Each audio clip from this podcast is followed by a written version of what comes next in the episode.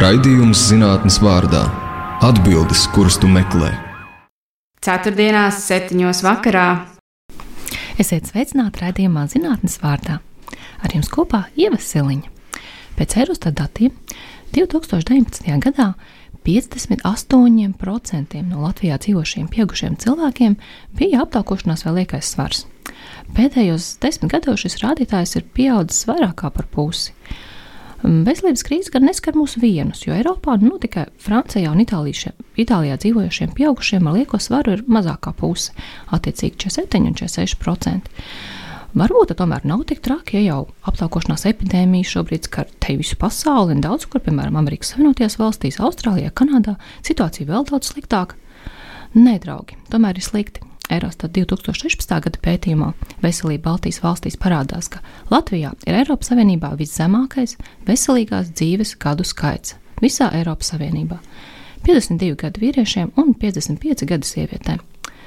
Ir valstis, kur iedzīvotāji dzīvo bez regulāras medikamentu lietošanas, vizītēm pie ārstiem un sāpēm, nodzīvos vēl desmit gadus. varētu jūs vienīgi mierināt, ka jācieš nebūs ilgi, jo sagaidāmais dzīves ilgums Latvijā ir otrs īsākais Eiropā vīriešiem un trešais īsākais sievietēm. Ir skaidrs, ka mūsu ierastie paradumi dzīvot ilgāk un veselīgāk nepalīdzēs, bet ko darīt? Grāmatnīca un internets, protams, piedāvā dažādas diētas. Vidusjūras paleo keto saka, ka nevajadzētu ēst kviešus vai varbūt ogļhidrātus. Daži saka, ka nevajadzētu ēst vispār konkrēti stundas diennaktī vai varbūt pat dienām. Bet varbūt risinājums ir precīzijas uzturā, meklēt uzturu un dzīvesveidu paradumus, kas izstrādā tieši tev. Cik ļoti mēs visi esam līdzīgi un kur atšķiramies no biologa skatu punkta? Atbildot uz šiem jautājumiem, meklēsim šodienas raidījumā zinātnes vārdā. Mūsu viesiņa ir molekulārās bioloģijas doktore Ilze Elbera. Ilze ir pētniece Latvijas biomedicīnas pētījuma studiju centrā, kā arī docente Latvijas Universitātes bioloģijas fakultātē, kur viņa ir izstrādājusi studiju kursu cilvēka mikrobioms. Mikrobioma pētniecība ir Ilza Zelbera sirdslieta. Sveiki, Ilze! Sveiki! Kā tu nonāci molekulārajā bioloģijā? Oi, tas laikam tāds garš stāsts, jāskatās, no kura punkta sāk stāstīt. Laikam jau kaut kādas pirmās saknes noteikti ir skolā, vidusskolā, pamatskolā. Man liekas, vispār tikai 9. klasē man bioloģija sāk iepatikties. Pirms tam man kaut kā nepatika, bet varbūt tāpēc, ka 9. klasē tas brīdis, kad sāk runāt par cilvēku, un nu, tad, tad parādījās. Cilvēks ir interesantāk par aģēm, vai ne? Nu, jā, nu, man, man personīgi jā. un, jā, un tad pēc tam arī vidusskola. Man noteikti jāsaka paldies manai vidusskolai, kas ir Saldus novada drūs vidusskola, kur bija gan interesants bioloģijas stundas, gan arī tāda ārpusstundu aktivitāte kā kurzemes jauno biologu skola kur mēs reizi mēnesī sestdienās tikāmies un darījām lietas, kuras parasti nedara. Es noteikti daudz ko atceros ļoti spilgti, un man liekas, pat šis tas, ko mēs darījām, pat pārsit dažus universitātes laboratorijas darbus. Man dažās nu, nu, ķerāt vardes vai ko tādu. Arī bija tas, bet atceros, mums uz vienu no stundām at, atnesa no cūku kautuves plaušas. Uh, un, un traheju un stāstīju, un tur sirdi skatījāmies, arī to cūku paši preparējām un visu kaut ko. Nu, tāds tiešām ļoti spilgt atmiņā palicis. Bet mums arī bija tādi lektori no universitātes, braucu, mēs paši braucām ekskursijās. Un, uh, noteikti tas bija tas, kas to manu interesi par bioloģiju tikai stiprināja. Un beigās tomēr mm, molekulārā bioloģija, ne veselas cūkas vai pat cilvēks sirds. nu, tā sanāk, tā sanāk. Nu, man ļoti interesē tā, tā ģenētikas daļa, kāpēc mēs esam tādi, kā mēs esam, kas tad ir iekšā. Un, um, Laikam jau vienkārši tādā test, testa režīmā, jo nu, es tur ēnu dienas arī izmantoju skolas laikā. Es biju ēnot vetārsts, piemēram, un es sapratu, ka nebūs. Nespēju es izturēt uh, to, to man, manas iekšas nav gatavas kaut kam tādam, lai cik tā profesija ir, ir, ir lieliska. Un, uh, jā, manuprāt, 11. klasē es ēnoju Jūriju Steinbergu. Tad arī tā bija pirmā reize, kad es nonācu Latvijas biomedicīnas pētījumu un studiju centrā, apskatījos, kas un kā. Un uh, es jau kā tāds cilvēks, kas nevar nosēdēt mierā, es atceros, ka es jau pirmajā kursā uh, izmantoju iespēju tik līdz varēju, tā pieteicos arī biomedicīnas centrā kā uz praksi. Uh, pastīties, nu, jo man bija svarīgi saprast, vai es vispār varu nosēdēt laboratorijā. Man biedēja tas, vai laboratorija nebūs kā rutīna. Bet nu, tā nu es pirmajā kursā nonācu biomedicīnas studiju centrā, pētījuma studiju centrā, un tur es esmu joprojām. Ko īsti nozīmē būt molekulārās bioloģijas pētniekam mūsdienās? Kāda izskatās tā ikdiena? Nu, es teiktu, ka noteikti nav rutīnas, kas ir ļoti forši un man pašai ļoti, ļoti svarīgi. Um, nu, zinātnieks tā ir tāda profesija, kas mācās visu dzīvi. Tu nevari apstāties, nevari pabeigt augstskolu, un nu, tagad es visu zinu, un tagad es varu darīt savu darbu. Tā tas nestrādā, visu laiku mainās. Uh, kamēr uh, varbūt nezinu, lekcijās stāsta viena, tikmēr jau tur jauna pētījuma stāsta kaut ko citu, un tas ir aizraujoši. Protams, tas prasa papildus resursus. Zinātnīgs kaut kā, man liekas, tas ir 24, 7, jo nu, tā, tā do, domas par to raisās un, un tāds. Bet uh, man ļoti patīk tā profesija. Noteikti nemainīt. Un tu esi baltā halātā laboratorijā, skaties mikro, mikroskopā, kā filmās par zinātniekiem. Nu, jau, diemžēl, ar vien retāk. Reizēm, jā, noteikti bija posms, kad es, kad es biju baltā halātā ļoti regulāri. Tā kā nu, molekulārā bioloģija pēta lietas, ko ar aci nevar saskatīt, tad īsti mikroskops pat nepalīdz. Uh, nu, jā, tas vairāk ir mikrobioloģijas virziens, kur var pastīties, vai kaut kādas varbūt augu fizioloģijas, nu, kur, kur tiešām ir tās, tās šūnas, un tas ir apskatāms ar aci. Bet uh, nu, jā, mūsu tās metodas tādas, ka mēs bieži vien strādājam ar caurspīdīgiem šķidrumiem, un tu tici un zini, kas tur ir iekšā, un tas arī viss. Bet, nu, jā, šobrīd jau doktorantūrā vairāk sanāk darboties, piemēram, vadot studentu darbus, koordinējot kaut kādu pētījumu īstenošanu un arī pie datora, jo nu, tie dati, kas tiek iegūti mūsdienās, ir ļoti daudz un viņi ir jāapstrādā un jāsaliek pa plauktiņiem. Bet kā tu nonāci pie savas um, sirdslietas mikrobioma? Es domāju, vai es pie mikrobioma vai mikrobioms pie manis atnāca. Kursa darbus izstrādāju pavisam par citu tēmu, un, kā jau zinātnē, ne viss vienmēr izdodas. Tur vienkārši bija negatīvi rezultāti, un manas bakalaura darba bija jāmaina tēma. Un tad nu, kaut kā tā sakrit, ka tas bija tas brīdis, kad vispār Latvijā aizsākās mikrobioma pētījumi un arī uh, biomedicīnas centrs kā, kā viens no pionieriem šajā jomā. Uh, mūsu grupa sāka to darīt, un tad jautāja, varbūt tu gribi darboties. Nu, tā kā tev tāpat bakalaurs vajadzīgs ir. Un, jā, tā tas kaut kā aizsākās ar bakalaura darbu, un tā kopš tā gan maģistratūra, gan doktorantūra ir bijusi veltīta tam. Un, jā, laikam mikrobioms mani atrada ļoti veiksmīgi. Nu, Pasāst, kas tieši ir mikrobioms? Tā tad, nu, ja tāda skaistā definīcija, tad tas ir mikroorganismu un to ģenētiskā materiālu un arī dažādu saražoto bioķīmisko savienojumu kopums kādā vietā. Un tas var būt dažādi. Tas var būt nu, standartā, mēs saprotam, zarnu mikrobioms, tātad mūsu zarnu traktā, varbūt ādas mikrobioms, arī galdam var būt savs mikrobioms. Nu, tātad, jebkurā vietā, kur ir šādi mikroorganismu kopumi, un tad mēs tiešām runājam ne tikai par to, kas tur dzīvo, bet ko arī viņi dara, ko viņi var darīt. Tad, nu, ko viņi dara? Cilvēku gadījumā? O, ļoti daudz ko. Mēs esam evolucionāri kopīgi attīstījušies ar viņiem kā, un nostabilizējušies. Un, nu, šobrīd ir skaidrs, ka bez, bez šiem mikroorganismiem pat nu, nezinu, vai cilvēks varētu pastāvēt. O, kā, kā vesela būtne. Tas tiešām ir svarīgi. Viņi piedalās gan mūsu organismu dažādu sistēmu nobriešanā, tikko pēc dzimšanas imūnsistēmas, piemēram, un, un, un esot pieaugušiem, tiešām regulē mūsu metabolo veselību, arī psihisko labsajūtu. Nu, tiešām ļoti, ļoti daudz ko. Ar ko mikrobiota atšķirās no mikrobioma? Tā, tie ir divi jā, bieži lietoti termini. Um, un, teiksim, tā, mikrobiota ir vienkārši līdzīgs termins uh, vārdam mikrobioms, bet apskata tikai uh, kas dzīvo. Nu, ja mēs paskatāmies uz tādu populāciju, tad nu, mēs paskatāmies, ir bifidobakterijas, laktobacillus, ešerihija koli. Tikai pēc nosaukumiem, kādas baktērijas, tad kas tie tādi ir, tā būtu mikrobiota. Bet tajā brīdī, kad mēs runājam par šo ģenētisko materiālu, ko visbiežāk arī molekulārajā bioloģijā skatās, un par funkcijām, tad jau tiek runāts par mikrobiomu kā tādu lielu, un mikrobioms arī kā tāda ekosistēma, jau, jau kopums. Nu, cik liela šī ekosistēma ir vienā cilvēkā? Par cik nezinu, vienībām mikrobu vai cik kilogramiem un kurās vietās ir, ir runa? Tu minēji zārnes, bet kāds ir apjoms? À, nu, tātad mikrobioms mums ir visur, varētu teikt, tiešām uz visām virsmām. Uh, Tad ārējām, iekšējām āda noteikti dažādas vietas, zārnu trakts, elpošanas trakts. Ir tagad ir ļoti daudz dažādu pētījumu par, par vietām, kas tika uzskatītas agrāk kā sterilas, kur noskatīja, ka mikroorganismi nevar būt, bet kas parāda, ka tur ir. Piemēram, arī asinīs atrod mikroorganismus, tad pat, kad nav sepse, nu, jeb šis iekaisuma stāvoklis, vai plaušās, vai, vai uh, urīna ceļos, tad, tad ļoti uh, dažādās vietās tas viss ir daudzuma ziņā. Nu, jā, tiek lēts kādi 2-3 kg no mūsu svara varētu būt šie mikroorganismi. Un uh, arī daudzus gadus pastāvēja uzskats, ka mikroorganismi pat ir desmit reizes vairāk nekā cilvēka šūnu, bet tad, manuprāt, pirms kādiem pieciem gadiem pārskaitīja cilvēka šūnas, saprata, ka viņas ir bišķi vairāk. Un tā attiecība ir tā, ka cilvēks pret uh, mikroorganismiem, pret baktērijām, nu, vairāk pret baktērijām tiek runāts, ir 1 pret 1,3 tā attiecība. Protams, ja mēs runājam par kaut kādiem vīrusiem, kas ir atrodami arī baktēriju vīrusi, tad nu, tie tur ir, ir ļoti daudz, bet tieši tāds pret baktērijām ir 1 pret 1,3. Kas atrodas šajā mikrobiomā? Tātad manas pieminētās baktērijas jau, dažādi arī vīrusi var būt, gan kas ir saistīti ar cilvēku. Arī tas noteikti tur kādu laiku saslimstot padzīvojās, un, un tad nu, nu neko. Uh, bet tur ļoti daudz ir šie baktēriju vīrusi, ja bakteriofāgi, arī baktērijas tad jāslimo, un, un tur daudz kas notiek.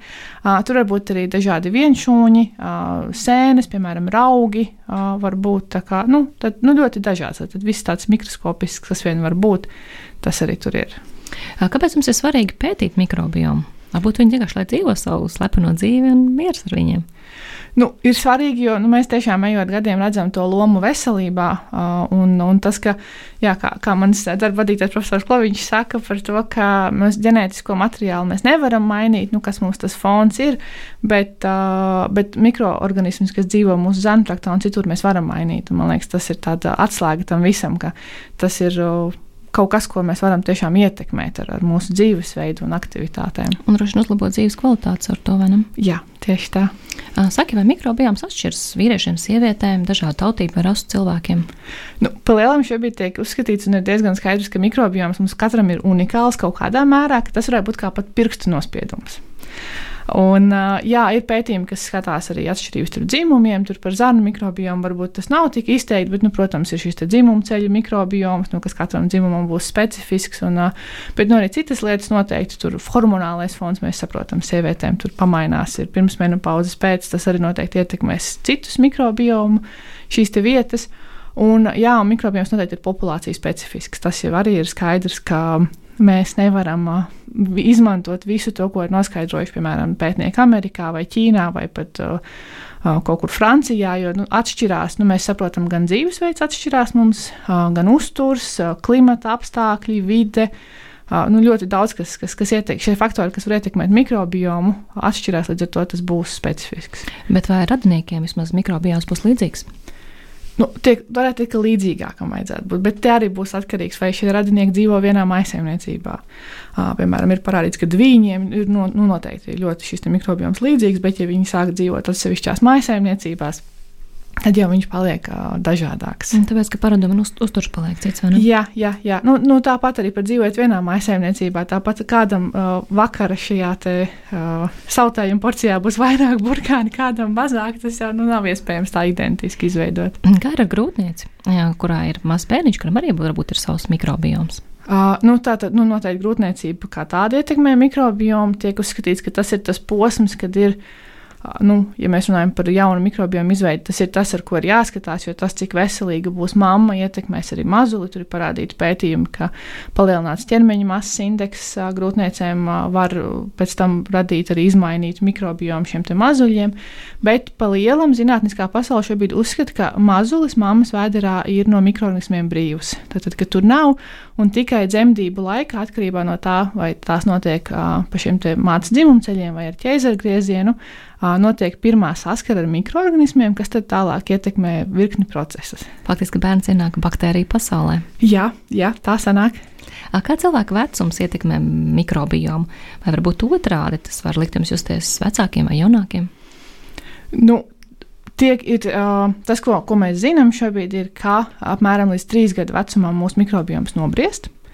Uh, nu, tad, tad, tad viņš kļūst līdzīgāks tam, kāds jau ir pieaugušam cilvēkam, bet, nu, protams, tur dzīves laikā visi šie faktori, kurus mēs jau paspējām pieminēt, vai vēl, apspriedīsim, ietekmē tur uzturs, maidzīvnieku klātbūtne, vai ir māsas, brāļi. Uh, tas, tas viss arī ietekmē, kāds mūsu mikrobioms izveidojās. Uh, Un, nu, un tālāk, tad, nu, dzīves laikā, protams, vai mēs esam veseli, slimi, kādi, kādas mums ir fiziskās aktivitātes un, un, un daudz kas cits. Bet tad aptuveni pēc 60, nu, tiek pieņemts, ka pēc 64 sākās šis senioru vecums, kur tad uh, mikrobiomam samazinās daudzveidība, tas tikai ir parādīts. Un, uh, nu, jā, protams, šis cēloņu uh, seku nav, nav īsti skaidra šī sakarība līdz galam. Bet nu, noteikti arī tiek asociēts, ka kaut kādas šīs veselības problēmas varbūt varētu būt saistītas ar to, ka mikrobioms nu, vairs nav tik bagātīgs, vai tur uz, uz, uz vecumdienām savairojās kaut kādi šie tie, tā sauktie oportunistiskie patogēni, kas ir sliktiem. Nu, jā, tie ir tādi mikroorganismi, kas no angļu valodas opportunity ir iespēja, tātad, kas gaida iespēju. Viņiem viņi ir ok, ka viņi ir šajā mikrobiomā, bet nedaudz, un tad, nezinu, mēs iedzeram antibiotikas vai notiek kaut kas slikts, mēs saslimstam, viņi redz brīvu vietu, un tad viņi naski, naski savairojās un sataisa blēņas. Jā, un tad, attiecīgi, ar vecumu jā, tas tā var būt. Un, protams, ja, ja mums ir laimīgs mikrobioms, laimīgāk arī mēs paši. Tas sanāk iezīmējas labās un sliktās baktērijas un mikroorganismi. Kuri tad būtu tie, kas mums būtu jāvēro, kuri ir tie labie? Nu, ir tā, ka cilvēkiem gribas, lai, jā, lai nosauc tātad vārdos konkrētos. Un, nu, protams, un, varoņi jānosauc. Un, un ir kaut kādas, kuras tā, nu, klišejiski vai vispārīgi varētu saukt par labām, tās pašas bieži dzirdētās, tur bifidobaktērijas. baktērijas vai tagad pasaulē tiek pētījumos tur akirmansijas vai fekalibaktērijum, tur baktērijas, nu, tad, nu, dažādi šie nosaukumi, tur, kas nu, cilvēkiem daļai kaut ko izsaka, daļai, daļai īsti neko. Uh, bet šeit ir jāatcerās, ka mikrobioms ir ekosistēma un šis ir līdzsvara jautājums. Un uh, varbūt mikrobiomā arī baktērijas, kā jau minēju, šie potenciālie patogēni, ja viņi ir nelielā daudzumā, arī viņi dara kaut ko, kas ir vajadzīgs, lai būtu kārtība tajā sistēmā. Un, un arī tad, ja tā pati bifidobakterija pēkšņi būs 90% no mūsu mikrobioma, nu, mēs nebūsim priecīgi. Kā, jo, nu, tur, ir, tur ir tā hierarhija kārtība, ka tās funkcijas tiek sadalītas starp tiem mikroorganismiem, un, un, un katrs dara kaut ko bišķiņu, un tad, tad tas līdzsvars ir atslēgas vārds. Cik ilgā laikā šī baktērija populācija nomainās? Nu, tur ir dažādi faktori. Protams, nu, jā, katrai baktērijai ir savs, savs dzīves ilgums vispārējais. Tad, protams, ja mēs kaut ko pamainām mūsu dzīvesveidā, tad tiek diskutēts, ka aptuveni pēc trim dienām kaut ko krasāk pamainot uzturā, jau arī būs redzamas izmaiņas mūsu zarnu trakta mikrobiomā. Protams, ir kaut kādi medikamenti, tās pašas antibiotikas, tad jau tas būs 24 stundu laikā un vēl ātrāk, kad būs kaut kāda ietekme. Antibiotikas tā kā nogalinās mikroorganismus? Jā, protams, atkarīgs kādas viņas ir mērķētas. Viņas var būt mērķētas uz konkrētām baktēriju grupām, viņas var būt plaša spektra, bet, protams, tāds ir tas viņu uzdevums. Un kas notiek ar, ja lietosim vitamīnus vai sezonā ēdīsim kādas citas lietas? Kā saka, zemeņa diēta vai apelsīna diēta, vasara vai ziema? Nu, tas noteikti arī ietekmēs mūsu mikrobiomu. Nu, tiek diskutēts par to, ka it kā varētu teikt, ka kopumā dzīves laikā mikrobiomam cilvēkam vajadzētu būt diezgan stabilam. Bet ir kaut kādas šīs fluktuācijas, kuras tiek ietekmētas ar mūsu uzturu paradumiem, ar šiem dzīvesveida aspektiem. Un, protams, ja mums tur būs vairāk kaut kādas specifiskas pārtiks produkts, tad kaut kas no mikroorganismiem var vairāk nu, sa savairoties vai kaut kā. Parasti tas tiek vairāk apskatīts tādu slikto, nu, ne, ne, nevarētu teikt slikto produktu, bet, nu, tādu produktu, kurus saucam par neveselīgiem, vairāk mēs saucam. Tur ir ļoti daudz šīs augstu cukura un tauku satura diētas, tad nu, vienkārši vairāk savairojās tās baktērijas, kas, kas, kas ir tiek skaitītas pie šiem potenciālajiem patogēniem, jo viņām garšo vairāk tādu, nu, tieši tie vieglie cilvēkiem arī vairāk garšo. Ja, starp citu, te mēs ar kolēģiem smējamies, ir šī zarnu trakta smadzeņu asa, ka notiek komunikācija ar bioķīmiskām molekulām starp zarnu traktu un mūsu smadzenēm. Un uh, tad mēs smējamies, ka patiesībā to buļciņu nu, mēs negribējām, bet tie vairāk miljoni zarnu traktā sūtīja signālus, ka, ka vajag uh, buļciņu. Un arī tiek diskutēts par to, ka varbūt nu, tiešām, ja mēs uh, ēdam neveselīgi, dzīvojam neveselīgi, attiecīgi mums zemtraktā savairojās netik labvēlīgas baktērijas, un viņas tiešām var sūtīt signālus, kas veicina, ka mēs turpinam šo neveselīgo dzīvesveidu nozīmē, ka šīs McDonald's atbalstošās baktērijas negribēs burkānu? Iespējams, jā. Kā mikrobioma ietekmēs kādas citas lietas, piemēram, badošanās vai sports? Nu, tas tie visi ir aspekti, kas atstās kaut kādu ietekmi uh, par šo pārtraukto badošanos. Ja, nu, jā, tad šis nēšanas arī ir ļoti daudz pētījumu. Tur nav īsti līdz galam skaidrības. Ir ļoti daudz pozitīvu par to, ka uh, šī īslaicīgā nēšana, ja tas tam cilvēkam tiešām dara, ka viņa var kā, mobilizēt mikrobiomu un, un, un veicināt tur kaut kādus labus mehānismus, bet, protams, ir jāatcerās, ka ne, nu, nenozīmē, ka visiem tagad tas ir jādara. Ir arī pētījumi, kas parāda, ka ir cilvēki, uz kuriem tas neatstāja labu iespēju. Tas ir katram jāatrod, un fiziskās aktivitātes noteikti ir atslēgas elements mūsu arī mikrobioma labsajūtai un vispār mūsu kā cilvēku labsajūtai. Tik daudz mehānismus palaiž. Nozīmē, ka faktiski sports vai fiziskās aktivitātes ir kaut kas universāls, kas vajadzīgs visiem. Ne? Es domāju, ka jā. Nu, to, tam es noteikti piekrītu, ka visiem, kas, kas var, ir jākustās. Un, un, protams, katram jākustās ir atbilstoši viņa fiziskajai sagatavotībai. Tad, atkal, ja mēs pārcenšamies, tad uh, var būt problēmas vai, vai darām kaut ko. Nu, Labāk, kaut ko darīt, protams, ir labāk nekā nedarīt neko. Un vēl kas ir ļoti interesanti, ka arī, uh, ja mūsu mikrobioms ir priecīgs, uh, tas var veicināt arī uh, mūsu fizisko sniegumu. Piemēram, ir pētījumi, ka izturības sportistiem uh, viņu mikrobioms jau ir tā izveidojies, ka tas veicina, ka viņiem ir lielāka izturība. O, tiešām ir distances garāks, piemēram, noskriet. Bet kā ar mūsu pašajūtu, mentālo veselību, kā to ietekmē mikrobioms? Nu, arī ietekmē. Es jau īsi pieminēju, ka ir šī zānu traktā smadzeņu asa, kas arī nu, pēdējos gados tiek plaši pētīta. Pētījumi rāda, ka ir saistība tiešām ar mikrobiomu varētu būt pat tādām saslimšanām kā depresija. Uh, arī citām slimībām, kas ir Alzheimera slimībai un citām, tiek skatīts, ka ir atšķirības mikrobiomā. Dažos gadījumos ir atkal grūti saprast, kas bija pirmais, vai izmainītas kaut kāda smadzeņu bioķīmija ietekmē arī šo mikrobiomu vai, vai mikrobiomu šo te, uh, smadzeņu veselību. Uh, bet uh, nu, jā, tiešām ir šie savienojumi, kurus uh, sūta uh, uz mūsu organismu.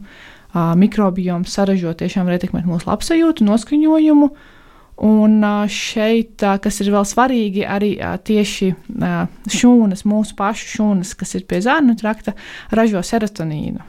Un mikrobioms var ietekmēt to, cik daudz tas uh, producējas. Jo serotonīns patiesībā smadzenēs tikai neliels procents tiek saražots vairāk tieši tur uh, ap zarnu traktu tiek. Un, uh, un attiecīgi, tad, jā, priecīgi mikroorganismi var veicināt šī serotonīna produkciju.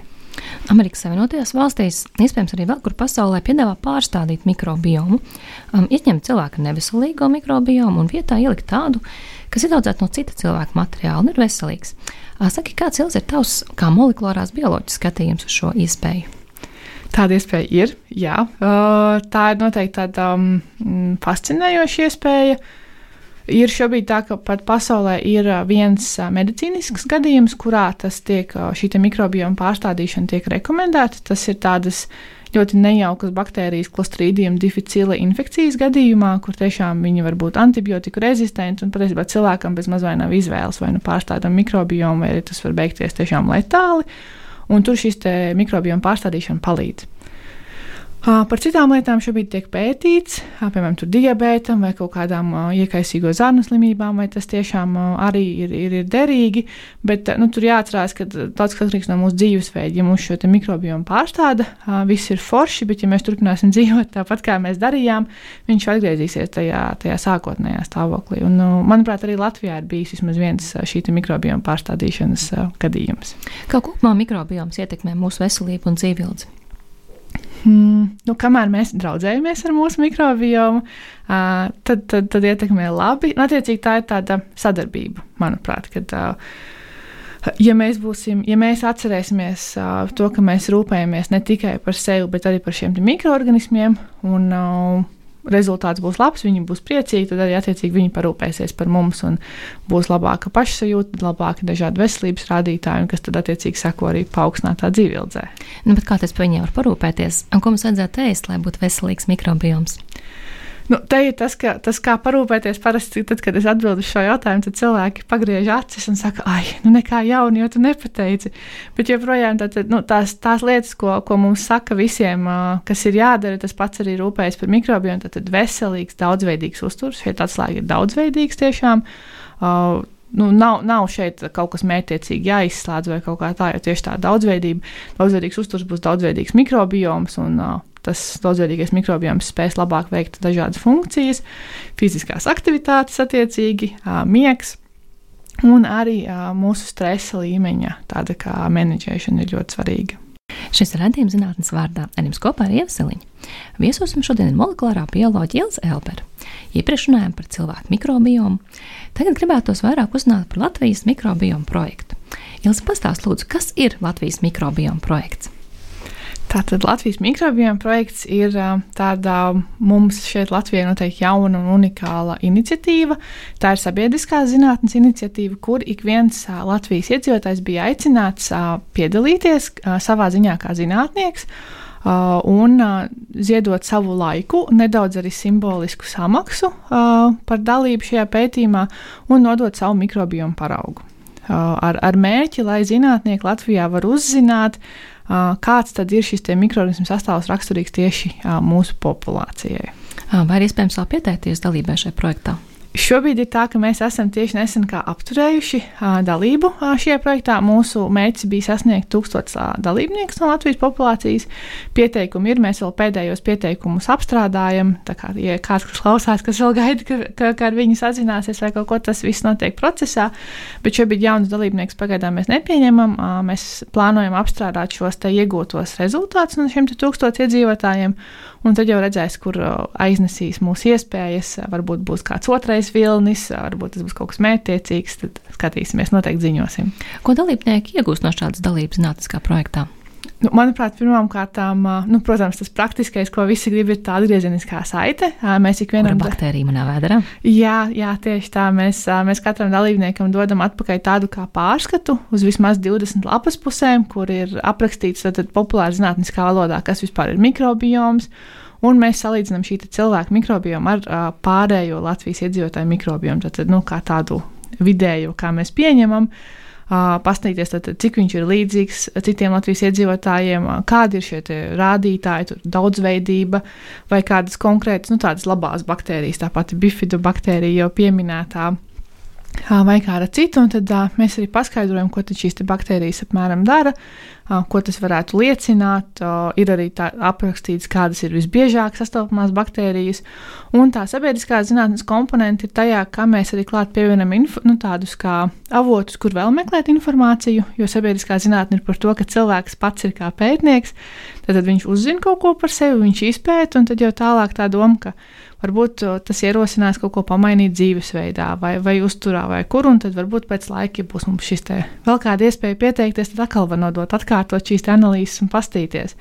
Nu, vai arī vispār palasīt, tad, tad, uh, ko tad šie mikroorganismi dara un ko darīt, lai kaut ko uzlabotu. Bet vai cilvēks pats saņemot šādus rezultātus varēs tikt skaidrībā, vai tomēr vajag kādu ārsta konsultāciju? Nu, tur būs atkarīgs no mērķa.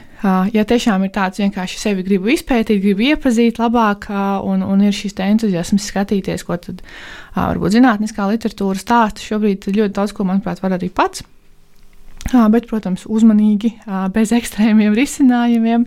Bet, protams, arī daudzos gadījumos ir vērtīgi doties pie speciālista. Latvijā noteikti ir vairāki gan gastroenterologi, gan uzturu speciālisti, manuprāt, arī endokrinologi, ar, pie kuriem var aiziet, parādīt šo pārskatu, un tad var padiskutēt. Es zinu, ka arī daudz cilvēku to dara, piemēram, mūsu sadarbības partneris ir Antiaging institūts, kur arī šie gastroenterologi un uzturu speciālisti palīdz skaidrot šīs atbildes un jau dod praktiskas rekomendācijas, balstoties tieši uz to, ko redz šajā pārskatā.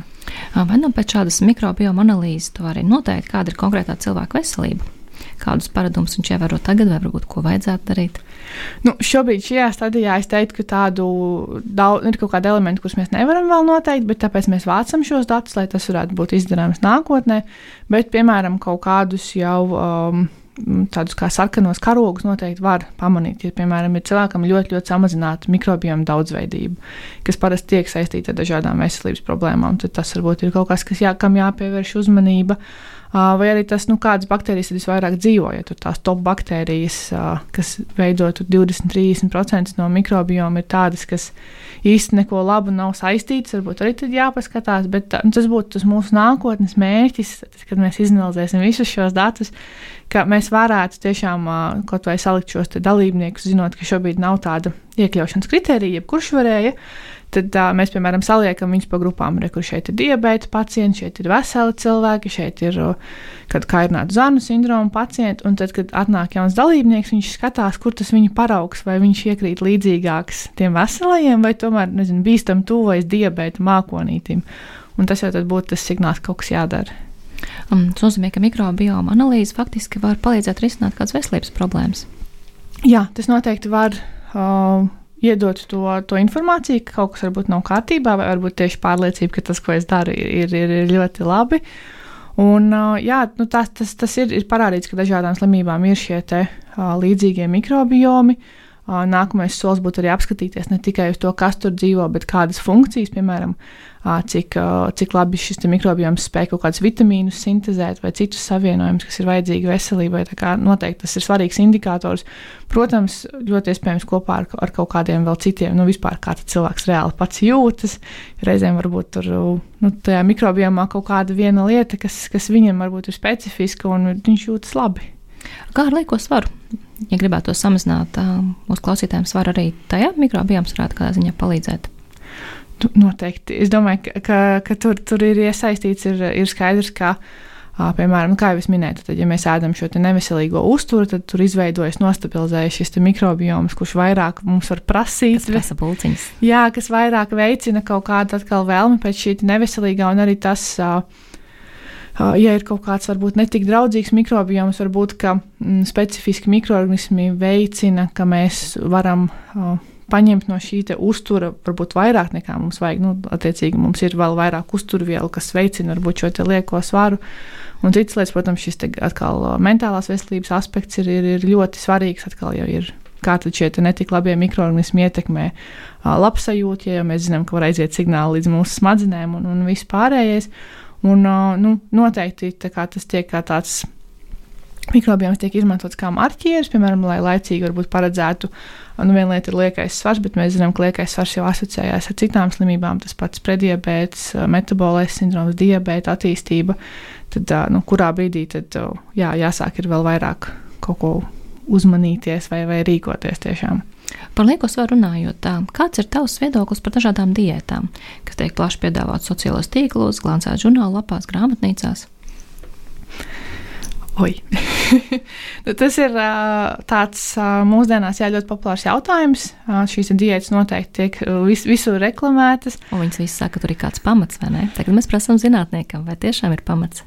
Nu, es teiktu, ka, ja cilvēks ir vesels, ja tiešām ir vesels, tad izslēgt kaut kādus pārtiks produktus, manuprāt, nav vajadzības. Manuprāt, arī ārsti atbalstīs man, ka nu, tā vienkārši tāpat tagad kaut ko atteikties, tam, tam īsti nebūs vajadzība. Un arī par šīm diētām. Nu, Ja tas ir visbiežāk, lielākā problēma ir pat tad, ja tajās diētās ir kaut kādas ir labi elementi, varbūt, kas varbūt noderīgi tam cilvēkam, Viņas parasti ir īstermiņa, vai arī tas efekts, nu, piemēram, samazinot kaloriju daudzumu, neatkarīgi kā mēs nosauksim to diētu, svars nokritīsies. Bet jautājums, kas notiks tajā brīdī, kad mēs pārtrauksim to diētu, tad vai mēs, nu, vai mēs spēsim uzturēt kaut kādu drastisku kaloriju daudzumu. Un, nu, Palielam jau atslēga ir nevis specifiskā nu, diētā, bet mūsu ikdienas. So, uztura paradumos. Mums ir veselīgi jāskatās, nevis jādomā, nāk pavasaris, tagad, kuru diētu šogad izmēģināšu. Nu, tam tā nevajadzētu būt. Tam nu, visam, visai uzturlietai būtu jābūt ar prieku un, un, un tā ves, nu, veselīgi arī no tāda emocionālā skatu punkta, un dalīt ēdienu labajos un sliktajos, ja tiešām nav veselības problēmas, nevajadzētu, manuprāt. Un kur rāda pirmie Latvijas mikrobioma projekta rezultāti? Cik veselīgi mēs dzīvojam? Tad, tad mēs esam apskatījuši šobrīd datus no pirmajiem aptuveni 500 uh, dalībniekiem, un pagaidām tā vispārīgi, kādas ir biežāk sastopamās baktērijas. Principā esam patīkami pārsteigti. Šīs, te, piemēram, visbiežākā sastopamā baktērija ir Fekalibacterium prausnicī, kas ir ļoti, nu, palielam tiek skandināta kā tāda nākamās paudzes probiotika, ļoti tur, laba, pozitīva. Uh, saistīti, ja viņi ir vairāk, tad ir mazāk visādi veselības problēmu. Kas ir interesanti, nekur tuvumā mēs neredzam, ka dominētu šī baktērija, bet vienā 17. gada pētījumā, kur centās salīdzināt mikrobiomu pa dažādām populācijām, tika rakstīts, ka šī baktērija, piemēram, diezgan dominē Dienvidkorejas mikrobiomā, kas, protams, šķiet amizanti. Mēs ar kolēģiem smejamies, cenšamies saprast, kas pa lietu. Kāda ir saikne? Uh, nu, labākais, ko mēs esam izdomājuši, ir, ka mums ļoti garšo šie skābētie, štovētie kāpostiņi, uh, nu, kas arī ir tāds dabisks prebiotiķis, tātad nu, fermentēts produkts vispārējais. Un, un Dienvidkorejā šis kimči atkal ļoti populārs. Varbūt tur ir kāda saikne. Tas tāds mūsu. Interesants uh, temats pētījumā, vai ne? Jā, jā, noteikti. Bet nu, skatīsimies, kas būs tad, kad apskatīsim visus tūkstošus dalībniekus. Un uh, nu, arī no pārējām baktērijām palielam redzam diezgan uh, labus šīs baktērijas. Ir interesanti, ka ir dažas, kas, kas nu, tur kādā otrajā, ceturtajā vietā, kas pārklājās ar kaimiņu valstīs plaši raksturotām, piemēram, ar Poliju vai ar Krieviju arī. Nu, kas iepriekš ir bieži sastopams viņu populācijās aprakstīts, bet, nu, protams, ir arī šie unikāli elementi. Vai arī citās valstīs līdzīgas datubāzes? Uh, pamazām, manuprāt, šur tur top.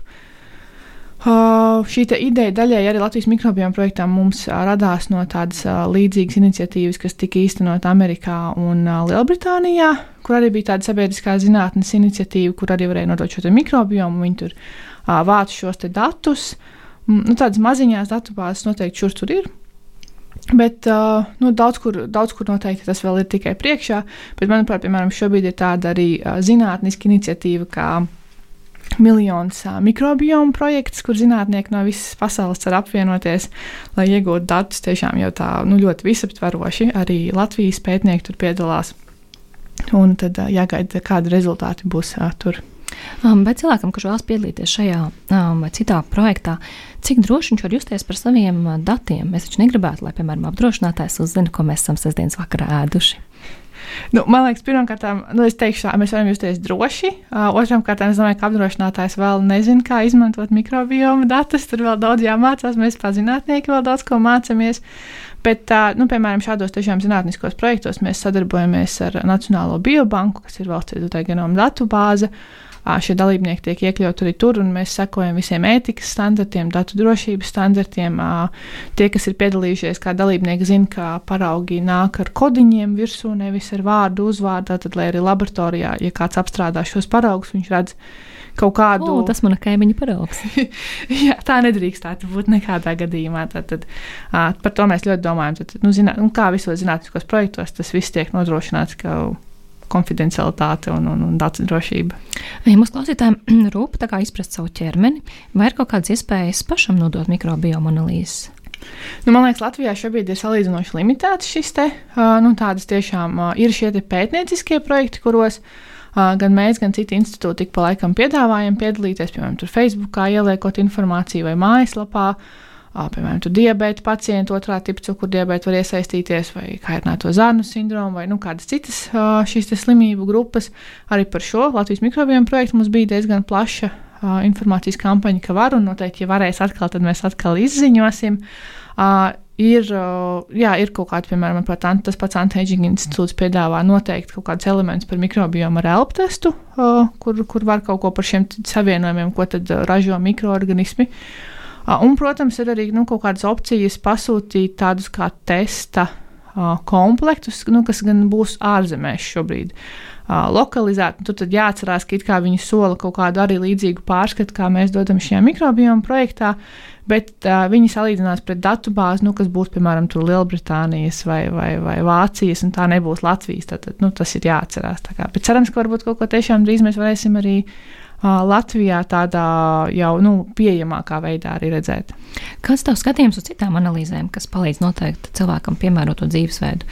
Piemēram, asins analīzes produktu nepanesamībai, izelpas testi, uzturģenētikas testi. Nu, manuprāt, tas var būt gan palīdzoši, gan traucējoši dzīvē. Kaut kur atkal uh, pa vidu ir, ir tā patiesība. Noteikti ir gadījumi, ka tas var palīdzēt atrast kaut kādas problēmas, noskaidrot iemeslus un cilvēkam dot sirdsmieru vai dot kaut kādu skaidrību, ko tad es tiešām tur nevaru ēst vai, uh, vai no kā man ir jāizvairās. Bet uh, nu, bieži vien, protams, daudz tie testi ir tādi nu, pārāk vispārīgi. Uh, viņi var, ne, nu, kaut kādi marķieri nav pietiekami specifiski, vai tur viņi rādīs, ka slikti ir, bet viņi rādīs to 70% populācijas. Nu, tā, tad, nu, tāds, tāds kaut kur pa vidu ir jāuzmanās. Daudz kas tiek arī noteikti mums atkal reklamēts tāpat kā diētas. Ļoti skaļi ar, ar skaļiem mārketinga saukļiem, bet atkal vai mēs nu, jā, varēsim to, to pielietot ikdienā. Šis ir redzējums zinātnes vārdājums kopā ar Ievaseliņu. Šodien mūsu viesiņa ir Latvijas biomedicīnas pētījumu studiju centra pētniece Ilza Elbera. Iepriekš runājām par Latvijas mikrobiomu projektu, tagad gribētos parunāt par cukura diabētu. Vai es pareizi saprotu, Ilza, tu pēti mikrobiomu ne tikai, lai palīdzētu cukura diabēta pacientiem? Jā, uh, patiesībā sanāk kopš šī bakalaura darba laikiem manas tas zinātniskais virziens ir uh, zārnu mikrobioms tieši otrā tipa cukurdibēta pacientiem. Skatāmies kopā ar kolēģiem, gan kā šis pats diabetes ietekmē mikrobiomu, bet vislielāko fokusu mēs pat liekam uz antidiabetisko terapiju. Mēs pētām pasaulē, varētu teikt, visbiežāk lietoto medikamentu, kas saucās metformīns, un skatāmies, kā šī medikamentu lietošana arī maina mikrobiomu. Un viens no tādiem mērķiem ir arī atrast. Uh, Ir skaidrs, ka šī terapija maina mikrobiomu, bet nu, ir arī tāda kā signāli, ka šis mikrobioms var ietekmēt šo te terapiju. Un, tā kā mēs runājam, ka mikrobioms ir populācijas specifisks, tad uh, mēs mēģinām arī skatīties gan, gan Latvijas populācijā, gan vispār, kas tad varētu būt tie mikrobiomu kaut kādi pārstāvji, kas, piemēram, uh, pirms terapijas sākšanas jau pasaka, ka šim pacientam terapija būs efektīva, šim viņa nebūs tik efektīva, vai šim pacientam attīstīsies kaut kādas gastrointestinālas blaknes. Vai arī tieši otrādi viss būs labi. Tad, tad, tad, ja mēs jau laicīgi varam pateikt, kad, kurā grupā šis pacients iekritīs un mikrobiomu var mainīt, tad mēs ceram nākotnē, ka nākamais solis būtu attīstīt kaut kādas jau modulācijas pieejas, lai, piemēram, cilvēkam, kuram sākotnēji mikrobioms saka, ka terapija nebūs efektīva, mēs viņu pamainām un viņš var lietot šo medikamentu, kas būtu svarīgi. Es pareizi saprotu, pētījuma nosaukums ir optimēta.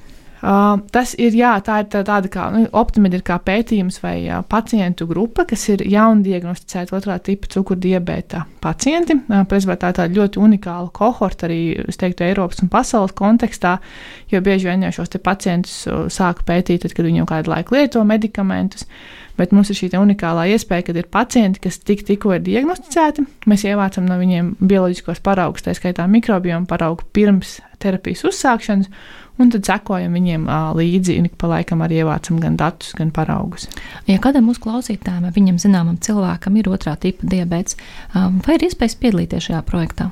Uh, nu, tur tātad pats optimēts ir šiem jaundiagnosticētiem uh, otrā tipa cukurdibēta pacientiem. Tad uh, mums ir sadarbības partneri ārsti uh, gan pat Rīgā, gan arī reģionos, kuri, uh, ja viņi diagnosticē tikko šo pacientu, tad viņi var piedāvāt šādu iespēju. Tur gan pie, vai nu pie šī ārsta, vai varbūt uh, Rīgā, kur mums ir šīs paraugu vākšanas ies, iespējas uh, piedalīties šajā pētījumā, bet tas būtu tieši šiem jaundiagnosticētiem pacientiem. Ko piegūst dalībnieki šādā pētījuma grupā? Nu, es teiktu, ka tā būtu tāda kā papildus uh, aprūpe. Jo, jo viņiem tiešām ir palai, nu, papildus uh, tiek ievākti gan dažādi veselības dati, uh, gan arī papildus šī pētījuma metodos tiek veiktas uh, vēl asins analīzes uh, par regulāriem intervāliem, kas ir ekstra. Un, uh, jā, viņi ir iegūši šīs jau iepriekš minētās uh, mikrobioma atbildes, ir mikrobioma pārskatus, un viņi viņus iegūst uh, pa šiem laika punktiem. Viņi redz, kāds viņiem bija mikrobioms, tā kā viņus tikko diagnosticēja, un kāds viņiem šis mikrobioms ir uh, nedēļa, un pēc tam trīs mēnešus, un vēl vēlāk lietojot šo medikamentu. Un bieži vien tu tiešām redzēt, kad uzlabojas šis mikrobioms, kaut kādi parametri, un es domāju, tas ir svarīgi, lai nu, pieturētos pie šīs terapijas. Kā ir plānots tālāk attīstīt šo pētījumu? Uh, nu, tātad uh, mēs uh, ceram, nu, tiešām aktualizēt atkal pēc kāda laika nedaudz vairāk šo dalībnieku iesaisti, kā arī, protams, nestoties uz to, ka, kā jau es minēju, tā kohorta ir tāda unikāla un mēs no, nu, runājam par pacientiem, kuri tikko diagnosticēti, uh, tomēr mēs gribam vairāk virzīties uz šo preventīvo medicīnu, respektīvi mēs ceram papildināt uh, drīzumā un iesaistīt šajā pētījumā arī prediabēta pacients. Tad tie, tie, kuriem ir kaut kādas pazīmes, ka varētu būt diabēts, tad mēs varētu meklēt, kas tad ir kaut kāda arī mikrobiomā un arī citos bioloģiskajos marķieros balstīti parametri, kas liecina, ka, nu, kāpēc viņiem ir šis prediabēts, un pasakot viņiem līdzi, kuriem tiešām attīstīsies diabēts, kuriem nē.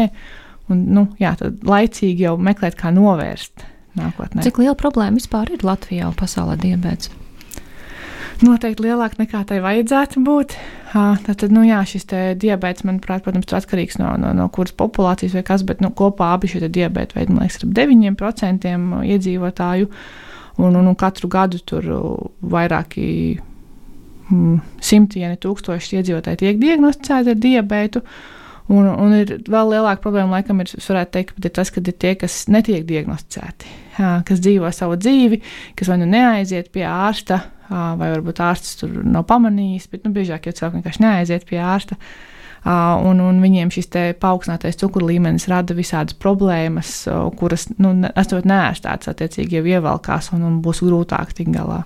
Un kā rodas diabetes? Nu, tātad tas būs tāds uh, mikslis starp ģenētiskiem faktoriem un, un, un mūsu tātad, vidas faktoriem, teikt, jeb to, ko mēs darām. Attiecīgi, var būt kaut kāda ģenētiskā ietekme, jeb fons, bet nu, vismaz otrā tipa cukurdibēta gadījumā īsti nevarētu teikt, ka nu, tikai mana ģenētika ir vainīga. Tu tiešām dzīvesveida faktori bieži vien, kad nu, noķer to brīdi, kad uh, ir paaugstināts šis diabēta risks, vēl ir iespējams kaut ko darīt, vai nu fiziskās aktivitātes modificējot vai uzturu pielāgojot. Nozīmē, ka, lai samazinātu risku iegūt diabētu, mums ir um, jādzīvo veselīgi. Jā, tas ir atslēga uh, arī šeit noteikti. Jā.